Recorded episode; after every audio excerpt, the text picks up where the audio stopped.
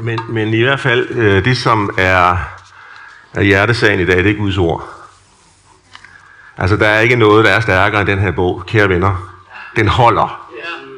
Og, og der er, øh, øh så når vi synger den her sang, øh, en øh, kendt dansk kunstner øh, kom til os på kontoret forleden dag. Hun siger, håb, det er da en overset superkraft, er det ikke? Det synes jeg, jeg har læst i den der bibel der. Hun er så begyndt at blive en bibellæser. Hun taler om, om det overnaturlige, om håbet. Hun havde godt nok faldet over det der vers i 1. Korinther brev kapitel 13, hvor hun siger, tro, håb og kærlighed er de største af kærlighed. Men hun kunne simpelthen ikke, hun kunne ikke slippe håbet. Fordi det er jo klart, at kærligheden den er stor, det ved vi også godt, og Paulus hylder kærligheden, men hun kunne ikke slippe håbet. Og siger, hvad er det for et håb? Og så har hun sådan gravet sig ned i håbet, det levende håb, som vi er blevet genfødt til ved Jesu Kristi opstandelse fra de døde, det står også i bogen. Ikke? Et håb, som giver liv, et håb, som giver perspektiv. Det har simpelthen talt sådan til hende på en måde, som hun har sagt, der er en superkraft her, som vi har været tilbøjelige til at overse. Det udspringer af Guds ord. Hun går ikke i kirke. Hende her, kunstneren. Men hun læser sin bibel. En anden dansker, som jeg mødte på folkemødet, han sagde det på den her måde. Det vigtigste vers for mig i Bibelen, det er det korteste vers, Johannes Evangeliet, kapitel 11. Jesus græd. Der må der være en årsag til, at Johannes han er ulejlig sig med at lige proppe det lille vers ind i Bibelen, som det korteste, vi overhovedet har, siger han så. Det må være en budskab om, at vi tror på en Gud, som kan græde. Er det ikke det, René? En Gud, som kan græde, det er, en, det er ikke sådan en Gud, som er sådan særlig bossy eller helteagtig. En Gud, der kan græde, er en Gud, der viser svaghed. Hvor viser Jesus dig den svaghed henne? Så stod vi korsets tegn, ikke? På korset viser Jesus sin svaghed. Og det er det godt, at Paulus han så siger, at den, den svaghed, som Gud viser, den er langt, langt stærkere end den menneskelige styrke. Eller 1. Korinther brev, kapitel 1 og kapitel 2. At i sin svaghed så udtrykker Guds kraft sig helt. Og Paulus han går videre, og siger og derfor vil jeg ikke videre noget andet, end da jeg var blandt jer, end Jesus Kristus, og det er som korsfæstet. Fordi hvad er der, hvad er der i denne forkyndelse om Jesus som den korsfæstede? Ja, det er en Guds kraft til frelse for enhver, som tror. Hvad vil det så sige at blive frelst? Ja, for dig, som måske er ny her i kirken, og ikke er vant til at komme i kirke her i Lisboksgade, eller for dig, der sidder og kigger derhjemme, øh, og siger, hvad er dog det for noget? Hvorfor står han altså begejstret over et kors, et dødssymbol? Jamen det er fordi det der kors, det har en så central skikkelse, og vi har også stående en udgave af det her over ved siden af, og det hænger også med lys omkring. Hvorfor gør det det? Fordi vi tror på, at i korset er der en livskvalitet. Da Gud døde, så gav han os liv. Vi synger i julesalmen, da han gjorde os fattig med flid, så blev vi rige til evig tid. Det kræver da et amen. Ja. Og så, og så har vi den der samtale om, hvorfor Jesus han græd. Han græd, fordi han ville vise, at Gud kunne græde med de grædende. Han græd, fordi at, at han kunne have medlidenhed med os i vores skrøbelighed, som Hebræerbrevets forfatter siger det. Han er en Gud, som kan med, være lidende med de lidende. Derfor er den Gud, som vi forkynder i kirkerne søndag efter søndag, en Gud, som er værd at tro på. Det er ikke en Gud, som først og fremmest siger os alt, hvad vi skal gøre, hvad vi skal mene, og hvad vi skal tro, og hvis vi ikke kan træde op og, og, og, og blive som ham, så er, vi, så er vi i en misforståelse. Nej, det er en Gud, som kommer os i møde, en Gud, som i korset løfter os op. Dette er det kristne håb. Og jeg vil gerne være den, som medvirker til, at det ikke er en overset superkraft, men det er en superkraft, som stadigvæk virker i dag. Som kan være en lille smule kontroversiel, fordi den kan ikke måles og vejes, men det er en superkraft, som er til stede, og som udspringer af evangeliet om Jesus. Og det er det evangelium, som I ved, den her kirke samles om. Det er det evangelium, som gør, at man også tager beslutninger om, at vi vil gerne udvide vores rammer, så vi kan være endnu mere kirke for den her fantastiske by, som Randers er. Ikke? Er det vidunderligt? Det kan det godt gøre, der var en lille smule. Så det, det kom bare lige ud af den her sang, som vi startede op med her. Øhm, Ja, øh, der er et ord, som, eller der er nogle ord, eller overskriften for min prædiken her i, øh, i formiddag. Det hænger selvfølgelig sammen med det, jeg lige har sagt. Guds ord har fremgang. Og, og, og, og, og, og Lukas, han, det, det er evangelisten Lukas, som har skrevet Lukas evangeliet eller Apostlenes Gerninger. Det er ham, som øh, nævner de her to opsummeringer, sådan lige sådan først i, i, øh, i, øh, i Apostlenes Gerningers beretning, beretning om den nye kirke, der tager til, og der, der er virkelig knald på læggehønen. Det, de har virkelig fart på der i Jerusalem. Øhm, så i kapitel 6, så siger han, at Guds ord havde fremgang. Og en stor mængde af præster øh, kom til tro, og, og, og mange de begyndte at tro på Jesus, hvad han var. Og så går der en rum tid, så rammer vi så kapitel 12, så, så kommer det med sandt en gang til, at Guds ord havde fremgang. Og på det tidspunkt var, var, var, var fortællingen fra Bibelen, den var efterhånden nået langt længere end Jerusalem og Judæa og Samaria. Det var allerede på vej ud til jordens ende, langt som man troede, at jordens ende var på det tidspunkt. Guds ord havde fremgang. Og jeg har sådan gået og funderet lidt over, hvad betyder det, når vi siger, at Guds ord har fremgang? Hvad er det for noget med Guds ords fremgang? Og hvad betyder fremgang egentlig? Øhm, ja, altså fremgang, vil jeg sige, handler ikke først og fremmest at kunne Bibelen udenad. Selvom det ikke er dårligt at kunne ord fra Bibelen udenad. Altså jeg er vokset op i en søndagsskole, hvor øh, det at lære bibelvers, det var sådan et, et konkurrenceelement. Vi skulle lære bibelvers, skulle vi. Og øh, det gjorde vi så. Det sagde søndagsskolelæreren, vi skulle, så gjorde vi det jo dengang, man, det var dengang, man gjorde, hvad læreren sagde, man skulle. Så det gjorde vi så. Og et eller andet sted, så kan jeg da godt huske, at der er nogle ord fra den gang, der pludselig popper op indeni. Det er som om, at de blev lagret på den indre harddisk, og det er jo ikke aller værst, at de bliver det. Men det er ikke det, der definerer, hvorvidt at Guds ord er fremgang i vores liv. For det andet, Guds ords fremme er ikke det samme som, at vi er perfekte mennesker. Og vi skal jo sandt at sige, hvis vi kigger os selv ind i det kirkelige spejl, der må vi nok erkende, at vi nogle gange tænker, at at gå i kirke, det er, hvor det endegyldige mål handler om, og nu skal vi da være perfekte, skal vi ikke? Og vi har så måske lidt fejlfortolket det der, at vi skal udvikle os, og vi skal hen til hellighed, og det er at blive helt lig med Gud. Øh, jeg har prøvet. Jeg har et håb, det er det der med den oversette superkraft. Det er, at når jeg engang når frem til at skal være sammen med ham, som vi også besang i den her sang før, eller hørte før, jamen så oplever jeg måske, at jeg så kommer til at være mere lig Gud, end jeg er nu, fordi jeg ved, at jeg bøvler igen og igen. Og jeg har sandt at sige, hvad jeg godt nok med kristen i mange år. Så vi når ikke perfektionens tid på denne side af evigheden. Hvis det er en skuffelse for dig, så ved jeg, så er der nogen i den her kirke, der gerne vil snakke med dig, fordi vi må hjælpe sig. Så vil jeg sige en ting, som kan være en lille smule provokerende. Det, at Guds ord fremgang i vores liv, er heller ikke det samme som fraværet af synd. Jeg som har en ægtefælde, hvornår var det sidste gang, I var oppe og slås med jeres ægtefælde? Og sagde ting, som var grumme og grimme. Ting, som man ikke engang kunne på til at sige, sige til sin kollega på sin arbejdsplads. Og så siger man til det, det man formodede, så kunne elske fra død ind til døden skiller os ad. Nogle gange så tænker vi, åh, har du været der igen? Synd. Ikke? Synd betyder jo egentlig at ramme forbi målet med det, som egentlig har været tanken for vores liv. Det er jo det ord synd betyder. Det er sådan taget fra øh, sådan bueskydningens øh, sportsgren. Hvis man ikke ramte bullseye, altså centrum af skiven, eller hvis man overhovedet ikke ramte skiven, så er man syndig. Det er det ord synd betyder. Og vi må nok sandt at sige også, øh, når vi kigger os selv i vores øh, bueskydning, sådan i overført betydning, konstatere, at vi faktisk har ramt ved siden af skiven adskillige gange. Og prøv at høre, det bliver vi ved med.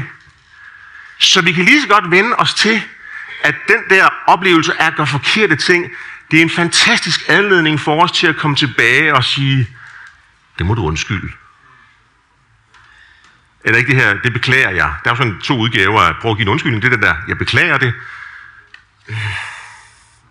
Det er som om, at det der, jeg siger undskyld, det, det, det, det, det, det var lidt tungere, og det gør det i hvert fald i min bevidsthed om, hvad ord kan og skal. Øh, der er mange beklagelser i det politiske liv, i det økonomiske liv og så videre i Danmark, men det der med, at et menneske kommer tilbage og siger, det må du altså undskylde. Det er jeg skid af. Det skulle jeg aldrig have gjort. Nu vil jeg gerne rydde op efter mig selv. Og et eller andet sted hører det jo med til den menneskelige ordentlighed, at vi rydder op efter os selv. Så man kan sige, at det at begå forkerte ting, det at synde, det er en fantastisk anledning til at lære ordentlighed. Og så kan vi jo konstatere, at så er der ikke noget, der er skidt, uden det er godt for noget. Er I med mig? Jeg ser lige, der sidder nogen, der siger, nej, det kan da ikke passe, hvad han siger nu. Men uh, vi, vi snakker om det bagefter så. Jeg vil også sige, jeg vil også sige, og det er igen øh, fra erfaringens øh, baggrund, øh, og når man snart fylder 60, så har man da lavet et eller andet, at det at opleve fremgang, det er ikke fraværet af mørke, modstand og langsom udvikling. Og man kan sige, det er jo lidt i modstrid med det, vi oplever i vores tid, hvor man forfærdeligt gerne vil have hurtig udvikling, man vil gerne have hurtig vækst, man vil gerne have hurtig, hurtig, hurtig, hurtig, hurtig, og, det, øh, og, og vi sætter altså målet hellige midlet. Så, og så, så, så er der en masse mennesker, der bliver stresset, og vi dejser om kul, og vi bliver syge, og vi splittes ad, og det, det, det, det, det, det er en stor lenthed. Nogle gange så handler det måske også om, at vi skal være en lille smule unødige. Altså vi har den der nyttighedssmag, den smager underligt, når vi har været nyttige på vores arbejdspladser, den er nyttigheden i vores familie, og vi er nyttige, vi får skabt noget godt, og der er bevægelser, det vokser, det spiger, det gror. Men hvis vi hele tiden har smagen af nyttighed i munden, så bliver det klamt. Nogle gange så skal vi tage en bid af unyttighedens æble, og på en eller anden måde skabe den der balance, som det er bare nogle dage, undskyld udtrykket, ikke at lave en skid. Bare at være. Være til stede. Det kan godt være, at græsset lige skal slås, men, men det er sådan, når man går og tænker sig grundigt om, når man gør det. Ikke i de her dage, hvor det er så tørt, men ellers, når det begynder at regne i næste uge, så skal græsset slås næste lørdag. Så er man måske nyttig, men måske er man bare frem, man har fundet en ramme for sin unyttighed. Alt sammen handler jo i bund og grund om, hvad der sker med os, når vi bliver vækstfulde. Og, øhm, og jeg har lyst til, altså, når vi går videre med det, lige at prøve at bruge et ord, som vi henter fra det gamle testamente. Det er ordet fra øh, salmernes bog, og det er Salm 1, hvor kong David han faktisk øh, indleder øh, salmesamlingen øh, på forunderlig vis, med at lige at, at beskrive, hvad det egentlig hvad ordet egentlig kan gøre for os. Og nu har jeg valgt at lige at stoppe teksten her, som jeg har skrevet den øh, på sliden øh, med, han er som et træ. Og øh, der kommer mere bagefter, men når det mere kommer, så skal du bare lukke dine øjne og være unyttig. Fordi jeg skal nok læse den for dig. Så skal du bare lytte til ordene. Tillad måske ovenikøbet at se det, som læses, hvis du kan bruge din indre, din, din indre billedrigdom, og så øh, lad det komme til dig, fordi det vi læser her, jeg vil formaste mig til at sige, det er sandhed. Det passer. Lykkelig den, som ikke vandrer efter ugudeliges råd. Som ikke går på synderes vej, og ikke sidder i blandt spottere. Men har sin glæde ved Herrens lov, tillader mig at sige Guds ord, og grunder på hans lov dag og nat. Han er som et træ, der er plantet ved bækken. Det bærer frugt til rette tid, og dets blade visner ikke. Alt, hvad han gør, lykkes for ham. Amen. Alt, hvad han gør, lykkes for ham. Det er jo ikke aller værst. Alt, alt, hvad han gør, lykkes for ham. Og så ser jeg med det samme tvivlen være malet i nogens øjne, hvor man vil sige, at du skal bare vide, hvad mit liv er. Det er ikke altid at være lige lykkelig. Det er ikke alt, der er lykkedes for mig. Hmm. Det er så en prædiken, som du får en anden gang. Ikke af mig måske, men en anden prædikant her i huset. Så må vi jo så definere, hvad er lykke? Og er lykke det der med, at vi svæver afsted på en lille lyserød aftensky med airbags, som vi sang, at nogen tror, Gud han gør i sin himmel, som, hvor han ovenikøbet sidder med et langt hvidt skæg og småskaldet? Eller hvad er lykke så? Det kan vi jo så tænke lidt over ved siden af. Jeg tror, at lykke handler om meget mere end det. Lykke handler om for eksempel det at være træ. Der er tre ting, som, kendes, som er kendetegn for et træ. Og for det første, så handler det om, at øh, et træ, det skal jo være plantet. Øhm, det er plantet, og rødderne er skjult til stede i det plantede. Du kan lige sådan sidde grundigt over og sige, hvis et træ er plantet, så må det jo være en, som har været den aktive del. Der må være en, der har plantet det. Men når træet er plantet, så står træet, hvor det står, og det kan ikke andet. Det lyder helt luthersk. For det andet, så er træet formodentligt, efter hvad vi kan regne med, og efter hvad vi måske har læst os til, eller hørt en klog mand fortælle os om, så ved vi, vi kan ikke se det, men vi ved, at træet er fuldt af saft. Det kan smages, når der kommer frugt. I øh, foråret, der kan man faktisk også ulejlige sig med at sådan spore et hul ind i et birketræ, og så kan man faktisk høste birkesaft. Det skulle være noget så sundt. Og endelig så er træet en skabning, som altid folder sig ud og strækker sine grene mod lyset. Og det gør det som en del af den natur og det instinkt, som træet nu engang har. Jeg skal bære frugt, skal jeg. Og derfor har træet brug for lys. Og lad mig prøve at bruge de her tre elementer til at beskrive det, som er grunden eller baggrunden for, at vi som mennesker kan have fremgang. Og det er da interessant, at, øh, at Bibelen flere gange bruger træet som et billede på os mennesker. David har jo lige gjort det i salmet her. Han er som et træ, der er plantet ved begge. Ham, som ikke sidder i blandt spotter og blandt gudløse, men som har lyst og som mediterer og grunder på Herrens lov eller på Guds ord. Han er som et træ, der er plantet ved begge. Det vil sige, at træet er altså et billede på dig og mig. Jesus han bruger også billedet i, i, øh, i, i sin evangeliefortælling, hvor han taler om, at vi er som grene, der er podet ind på vintræet, eller vi er også som et oliventræ, der er plantet i en vingård. Så der er masser af billeder her. Øh, jeg tror, det er salme 92, der står der også, at den retfærdige er som et træ, der er plantet i Herrens hus, altså det vil sige templet, og altid grundene bærer han frugt. Hans blade visner ikke, og han bærer frugt til rette tid.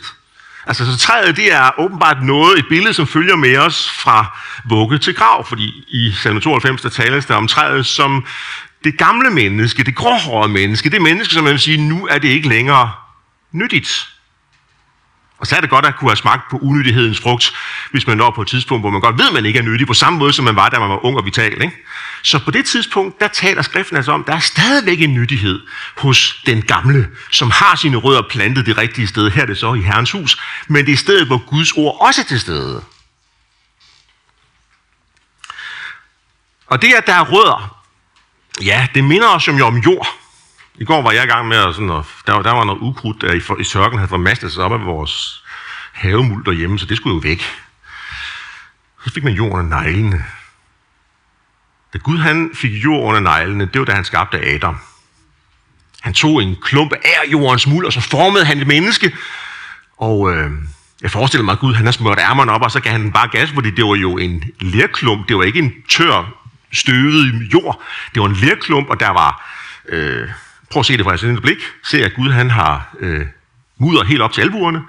Han laver lige den der, pff, det går varmt det her, og så har han også mudder op i hovedet, og for at det ikke skal blive meget bedre, så brøjer han sig ned og placerer sin store gudmund over lerklumpens næsebor.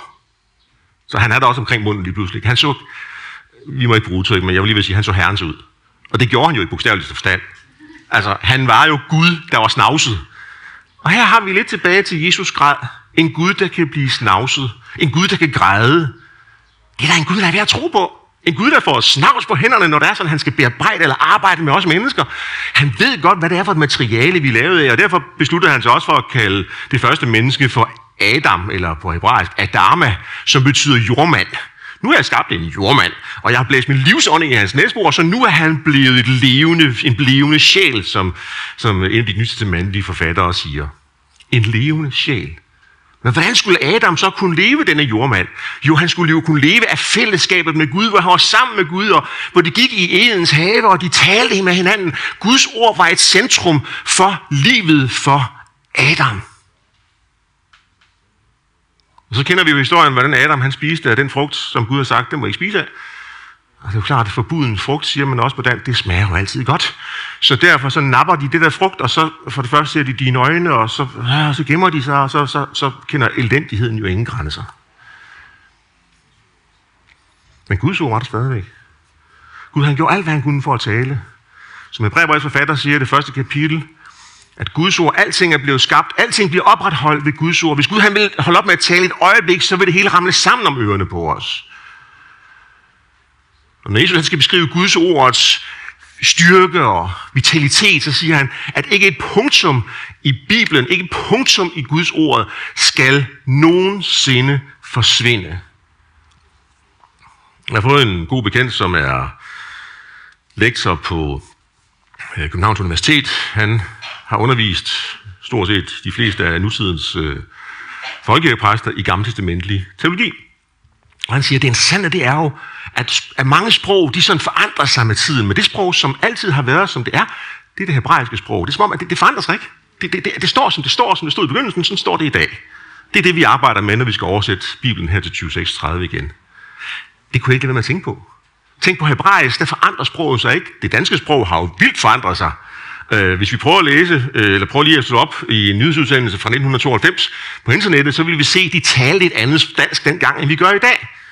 Og hvis vi så går frem til 2036, hvor vi jo, som I sikkert ved, øh, de fleste af jer, der skal vi have en ny bibeloversættelse, så har sproget forandret sig endnu mere end dengang i 92, hvor vi fik den oversættelse, som vi alle sammen elsker og holder af, og som vi bruger i vores andagt og i kirkelæsningen. Det er derfor, vi skal have en ny bibeloversættelse. Og her kommer der en lille parentes ind. Det må I godt bede for. Det, altså, må I godt bede for. Altså, I, nej, jeg vil sige, I skal bede for det. Altså lige her kommer der et imperativ. I skal bede for det. Altså der sidder i for øjeblikket, altså der skal jo sammensættes et team af mennesker, som skal oversætte den her bibel til et dansk, så den næste generation også får en ny bibeloversættelse. Det ligger mig så stærkt på hjerte. Tænk, lige så vel, jeg var ung dengang i 92, hvor jeg fik den nye bibeloversættelse, og var sådan en upcoming, lovende, meget ambitiøs øh, prædikant. Øh, så er nogen, der tænker, er han ikke stadigvæk det?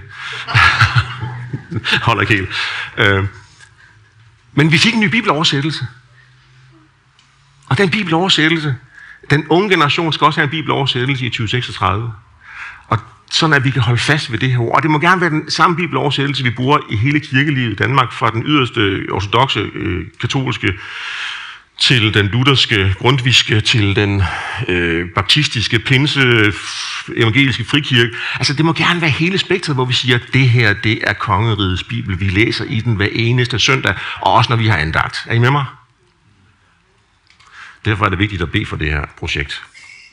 At, at det team, som skal stå for det her arbejde, de ikke bare har det her, men de også har det her. Det fylder meget for hos os i Frederiksborg Gade for øjeblikket. Det, at vores rødder er plantet i jorden, som vi kender. Skriften siger også, at vi har Kristus som fundament. Vi er plantet i ham, vi er sat i ham. Det er ham, vi henter vores næring fra. Når vi læser i ordet, så henter vi vores næring fra Kristus. Vi er jo plantet ved kilden, som der står i, i salme vi står ved Jesus. Jesus er den, som vi henter vores næring fra. Derfor så en af de få formaninger, jeg kommer til at give i formiddag, det er, læs i Bibelen. Ikke fordi, at så kan vi sælge flere bibelselskaber, det kan det handle om. Dem skal vi nok forstå alligevel.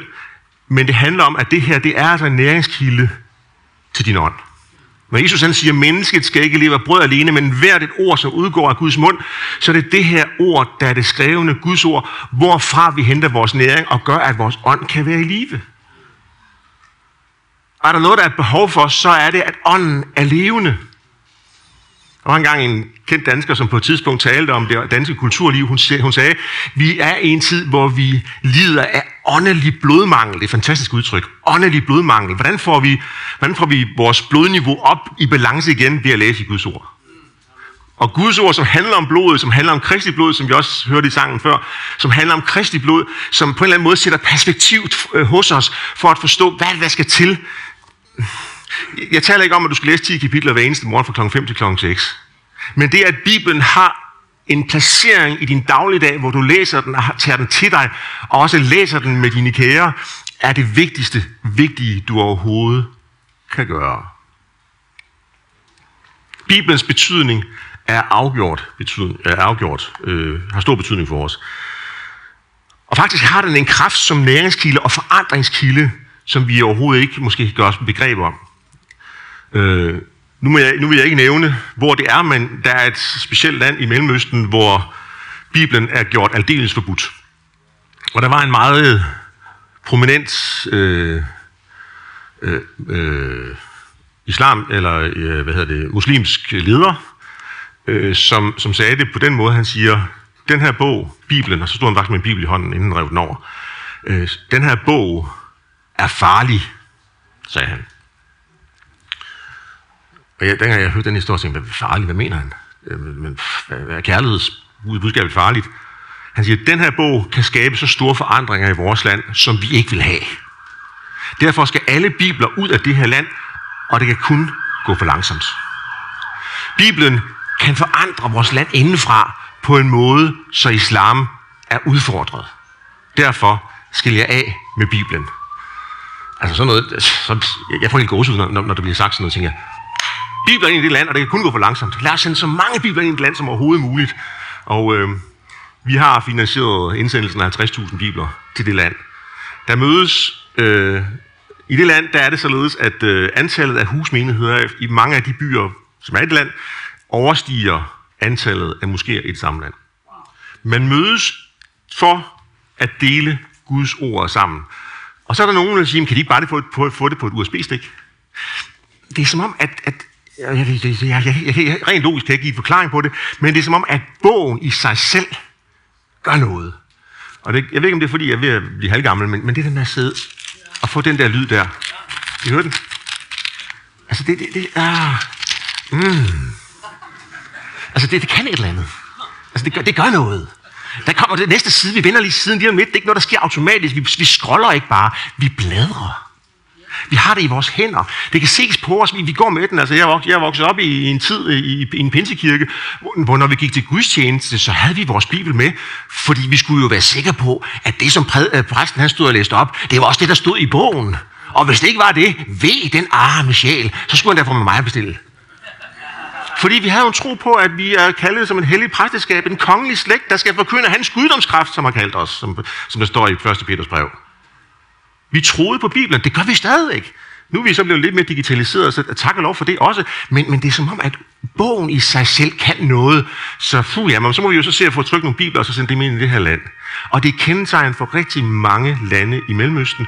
De vil have bibler i rødderne. Bare en anden fortælling. Øhm, et andet land, som øh, også er der omkring. Øh, jeg, en, en, jeg, jeg har fået en rigtig, rigtig skøn ven i, øh, i hovedstaden i det land, som arbejder øh, øh, sammen med Bibelselskabet. Og han fortalte mig en historie, som var fuldstændig mindblowing. Han siger, René, der er noget, der er noget du skal vide. Og den her historie, den, den, du kan ikke sige, hvilket land den er i, men du skal bare forstå, at det er et udtryk for, at Guds ord, og Bibelen, har bare sådan en magt i det her land, som vi slet ikke tør drømme om. Det er nede i rodsystemet. Det ord brugte han faktisk. På et tidspunkt, en af hans venner var gået en tur på, i hovedstaden, og så kommer der sådan en sort bil kørende op på siden af ham. De øh, smider en sæk over hans hoved og smider ham ind og kører hurtigt væk med ham, en præst. Og han tænkte ved sig selv, nu skal jeg dø. Det er normalt det, der sker med folk. Man propper en sæk over hovedet og smider med i en sort bil, så dør de bagefter. Men han kommer ind et sted, øh, sådan i en lagerhal lidt uden for byen, hvor der sidder øh, en flok øh, mænd, sådan nogle, sådan nogle, sådan nogle sufi-muslimer, sådan nogle meget sådan seriøse muslimer, det er, dem, det er det, som jødedom måske vil, vil kunne betegne som fariserende. Og der sidder de så og smiler. Han tænkte, jeg kan forstå, at altså, så en af lederne siger så, ja, øh, allerførst, vi skal undskylde meget, at øh, du var udsat for den her krasbørstige behandling. Men vi ved, at øh, du elsker Bibelen. Og vi har alle sammen set Jesus. Og vi, vi skulle finde en eller anden, som kunne fortælle os noget fra den bog, så, så, så vil du godt bare gå i gang med at fortælle os øh, måske noget fra evangelierne. Og så går han i gang, så han stod med store øjne og tænker, jamen det må jeg jo så hellere. Så han fandt sin slidte bibel frem, og så gik han i gang med at tale ud fra Johannes evangeliet. Fortæller om de syv mirakler, som Jesus han gjorde. Fortæller om de syv taler, han holdt i Johannes evangeliet. Fortæller om Jesus, der kan græde, om en Gud, der kan have medlidenhed med os i vores, i vores skrøbeligheder. Han, han har fortalt og fortalt, og inden da han har talt sammen, så var der gået sådan tre stive klokketimer, og han siger, vi skal lige have, vi skal lige have Matthæus med os. Og så fortsatte han var ved at signe om kul, efter han har været i fem timer og fortalt og fortalt historien fra Bibelen. Og han siger, han fik så at vide, da han så fik lov til at få fyreaften, så, så, så bliver han sendt afsted med en sikker overhovedet og siger, vi kommer til at gøre det samme igen. Du ved ikke hvornår, du bliver bare taget til fange, og så skal du gøre det igen. Du kunne måske forberede dig næste gang. og det har han så gjort. Og den her historie, den, den går sådan, og det der faktisk er fortællingen nu i, i det her land, det er, at, at, at, øhm, at der er sådan en, en forventning i underskoven. Og den forventning, den findes sådan i brede kredse. Selv hos muslimske ledere, som på ydersiden ser ud til at være muslimske ledere, men som oplever Bibelens ord, har gjort en forskel. Man skal ikke altid måle på det, man kan se. Eller for at sige det på godt dansk, vi skal ikke altid skue hunden på hårene. Der sker ting i det usynlige, i rodnettet, som er ganske enestående. Hvis vi går videre, øh, så er der saftfuldhed. Der er, noget, der, er, noget, der er en saftfuldhed i, i træet, livgivet af Guds ånd, har jeg valgt at, at, at tale om her. Og, og det er jo nogle gange således, at, at, at når Hebræerbrevets forfatter taler om ordet og taler om os mennesker, så, så tales der jo om, at, at det synlige er blevet skabt på baggrund af det, vi ikke kan se, står der i kapitel 11, som vi kalder for troens kapitel. Det vil sige troen, som handler om den oversete naturkraft, altså håbet, troen. Altså det, som, som Gud har givet os, og som vi skal kunne tro på, for at det bliver levende. Altså håbet har troen som god ven og følgesvend. Men der fortælles, at alt det, som vi kan se omkring os, når vi går i naturen, fuglene, dyrene, bladernes raslen, alt det skabte, er blevet skabt på baggrund af en virkelighed. Og det har vi måske, det er jo der, hvor vi så bliver udfordret lidt i vores kloge tænkning i Danmark. Fordi normalt så siger vi, at det er jo det, vi kan måle og veje, det er det, der er virkeligt. Men, men bibelfortællingen har altså en indre saftkerne, som siger, nej, jo, det er virkeligt. Noget findes, det er virkeligt, men der findes en virkelighed, som er mere virkelig end virkeligheden. Den virkelighed, som findes der, hvor Gud er. Hvis alt er skabt sådan en, som en, ja, hvad skal vi kalde det, impressionistisk kunstner, der har siddet og kigget på sig selv og alt omkring ham, og som pludselig kan finde på at sige, lad os gøre mennesker i vores billede, så er det jo kunstnerens ord. Og hvis han har siddet og kigget på alt det himmelske, på de gader, hvor der ikke er nogen sorgfuldhed, som vi hørte fra sangen før, jamen så må det jo betyde, at der er noget, som på en eller anden måde er prototypen for det, vi kan se. Det, som vi finder beskrevet i denne fantastiske bibel, er det usynlige. Det, som bor i vores ånd. Det, som vi kan fornemme, som gør, at vi ved, at Kristus, som Efeserbrevet siger, bor ved troen i vores hjerter. Fordi at det er ved troen i vores hjerter, vi har fællesskab med Jesus, fordi han bor jo der er det ordsprogernes bog, der siger, at evigheden har han nedlagt i menneskebørnenes hjerter. Og hvad er evighed for en størrelse? Ja, på grundsproget så betyder evighed det, som ikke har nogen horisont. Det fortsætter og fortsætter og fortsætter. Det er uudgrundeligt. Det er ubegrænset. Det er ligesom Gud, jeg er. Og hvis det ligger nede i vores hjerter, så får vi jo pludselig et helt andet perspektiv. Og det er derfor, at, at, at Paulus han igen og igen taler om, hvor vigtigt det er at have den der hellige Guds ånd inde i os. Fordi, som man siger i 1. Korintherbrev kapitel 2, at vi har fået ånden fra Gud. Den ånd, som renser Guds dybder. Og hvis vi ikke modtager den ånd, så kan vi heller ikke forstå, hvad det er, Gud i sin nåde har skænket os. Helligånden er den dimension, det indre liv, som vi har, som hjælper os til at forstå det, som Guds ord siger. Guds ord, som, han, som, som, som vi skal vejledes til, og Johannes fortæller jo i sit evangelium, at, at Helligånden er den del af guddommen, som vejleder os til den sandhed, som er i det her ord. Det vil sige, når Helligånden vejleder os til sandheden, så står der et andet sted i Bibelen, så skal sandheden jo gøre os frie. Det vil sige, der er så mange dybe ting i den her kerne, som løber inde i det indre hos os i vores ånd. Det er måske derfor, at øh, Paulus også taler om, at vi skal vandre i ånden. Har I nogensinde tænkt på, hvad, hvad betyder det vandre i ånden? Altså, vi skal lukke øjnene og så bare gå, eller hvad? Vandre i ånden.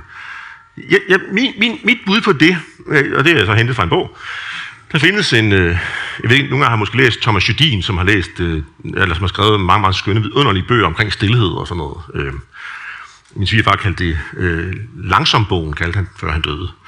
Nå, men, men, men der siger han det på den her måde omkring bønden og det indre menneske, det usynlige, som vi kan se. Han siger, at bønden er faktisk det, som hjælper os til at forstå det indre. Altså vores samtale med Gud, eller også bare vores væren med Jesus. Han kalder bønden for den indre allemandsret. Han er jo svensker. Den indre allemandsret, som ikke kun er til, og som ikke kun de kristne har monopol på. Men det at kunne bede og kunne søge ind der, hvor Gud måske findes i det øjeblik, troen bliver vagt, hvor han så flytter ind i vores hjerter, der kommer der pludselig en allemandsret. Jeg kan bevæge mig frit af landskabet stiger langs de, de fantastiske bække, der flyder i mit indre. Drikke af dem, som Jesus han siger, en hver, som kommer til mig og som er tørstig, han skal drikke af den ånd, som jeg giver ham. Og fra hans indre skal der rene strømme af levende vand. Det, det foregår i vores hjerter. Det er kernen hos os. Bruger du den kerne? Så kommer der formaning nummer to. Det første var, læs Bibelen. Den anden, brug din kerne. Bare et lille eksempel. Når du ser din nabo, eller når du som jeg pendler, jeg pendler tre dage om ugen til København øh, i toget, der er mange mennesker med, Øh, jeg fatter ikke, hvad alle de mennesker laver to kl. 6 om morgenen, men der er mange. Øh, de laver nok det samme som mig, tænker jeg. Øh, bare en lille historie derfra, fordi jeg sad så og kiggede, jeg, jeg sad og øh, var i gang med at arbejde, jeg skulle have en præsentation senere på dagen, og pludselig kan jeg bare mærke, at kernen begynder at boble. Der er noget saftfuldhed, der begynder sådan at ville mig noget. Og jeg tænker, åh oh, nej, hvad kommer der nu? Og så kunne jeg godt se, at der sad en kvinde over på den anden side. Hun så umådeligt trist ud. Jeg begyndte sådan at se med det kerne, kerneblikket, i stedet for med de her to øjne, som man skal bruge, når man, når man laver streaming. Øh, der er også, men jeg tror, man også kan kunne noget med de indre øjne, når man laver streaming. Jeg ved det ikke. Men det er dem, jeg skulle bruge der. Og så ser jeg hende. Og så tænker jeg, at der er noget i vejen med hendes hjerte. Altså ikke sådan fysisk, men hun har en hjertesorg. Og så får jeg den der fornemmelse indeni. Jeg får et spørgsmål, hvad vil du gøre ved det? Altså det er uden for min rækkevidde, siger jeg så til det stemmen, der sådan taler ind i mig. Det, det har jo ikke noget ved. Jeg er jo ikke sådan, jeg er jo ikke sådan en psykolog eller noget. Nej, men du er et menneske, som har Guds ånd. Godt så. Og lige derefter siger okay, hvad skal jeg gøre? Bum, kommer der et ord fra Gud. Alt trøstheds Gud, alt godheds giver. Himlen far, hos hvem der ikke er nogen skiftende skygge, som kommer eller går. Og det skulle jeg så lige oversætte til et sprog, som kunne forstå, hvad det var, jeg mente. Og jeg tænkte, okay, jeg kan jo ikke stå midt i en stille kupé. Det må man ikke. Og så stå sådan og sige det højt. Så jeg, vandt, jeg fandt min notesbog frem, så skrev jeg ned til hende, så siger jeg, jeg har, jeg, ser, jeg kan se, jeg, jeg bare lige har lidt øje med dig, jeg har lige siddet og bedt en bøn for dig, fordi jeg tror på Gud, og vi kan bede til Gud, siger jeg så til hende. Så visker det til hende, inden jeg går ud. Jeg så på Københavns Gudvand i går.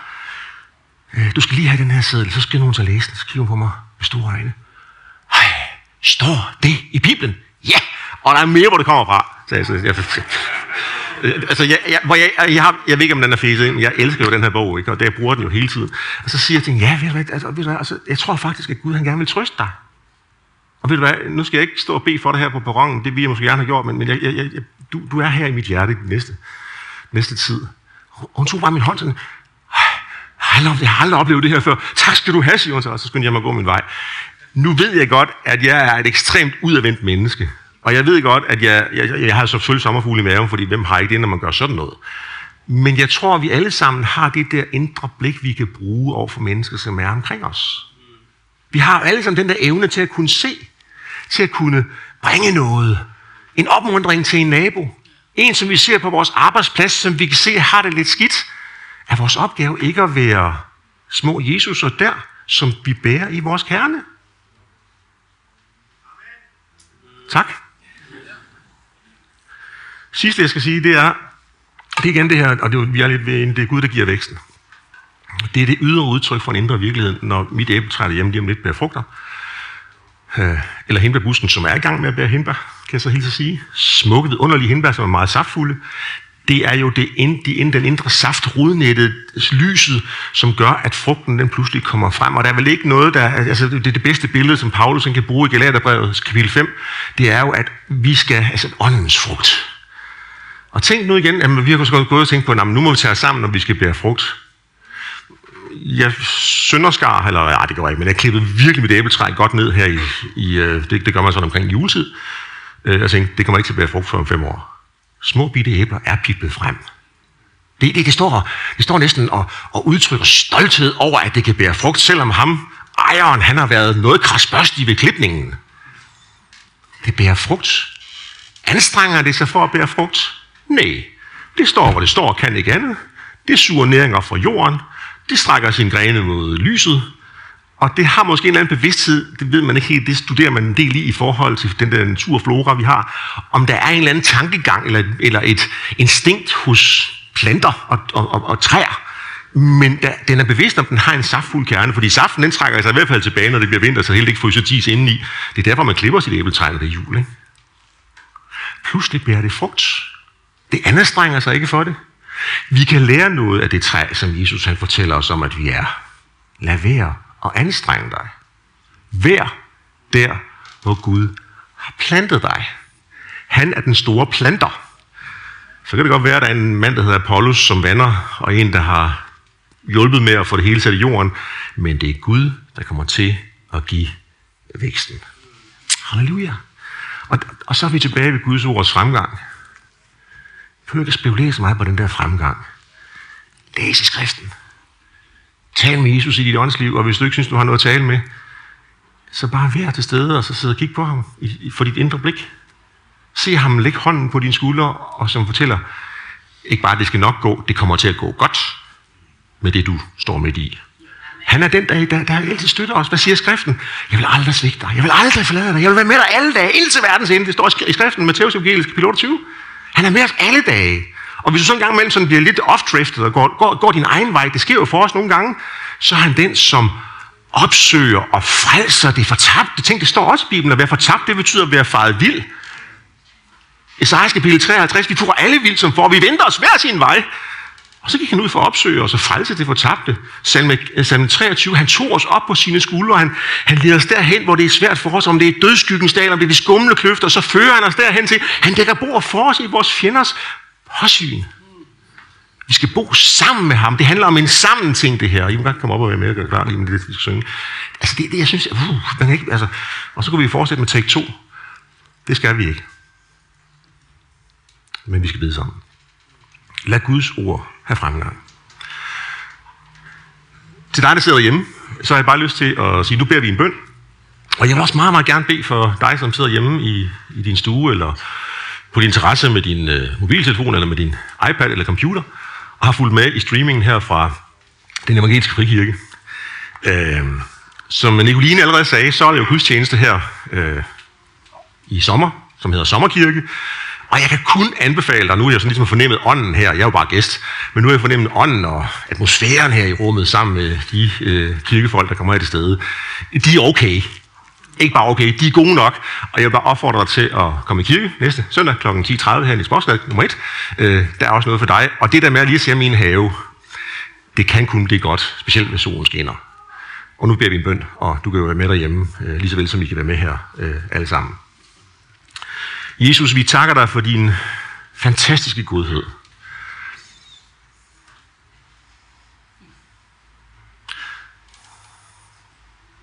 Tak fordi du bare lige rører ved os. Velsigne os. Tak for, hvad du giver os lige nu. Du kender de øh, livsverdener, vi alle sammen repræsenterer. En verden, hvor det måske er lidt stormfuldt lige nu. En verden, som kan være kendetegnet af tab, af sorg. Jesus, du har før trådt ind i en verden med din frelse. Gør det igen. Det kan også være, at vi er så meget i ferieforventning, så vi næsten ikke kan være, os, være i os selv. Herre, velsign du en som tager på ferie lige nu. Velsign du børnene, som har fået skoleferie. Det beder vi dig sådan om. Her vi beder om, at dit ord må være tæt på det ord, som vi lever ved. Så kan du er den, som skal velsigne os og skal bevare os. Herre, tak, at du, du ser på os, du løfter dit ansigt på os. Og så giver du os af din nåde og din kærlighed og din barmhjertighed. Du giver os det, som gør, at vi føler, at vi er. Herre, tak, at du løfter dit ansigt på os og giver os af din dybe, dybe fred. Således vil du velsigne os, du menighedens herre, i faderens, søndens og helligåndens navn. Amen.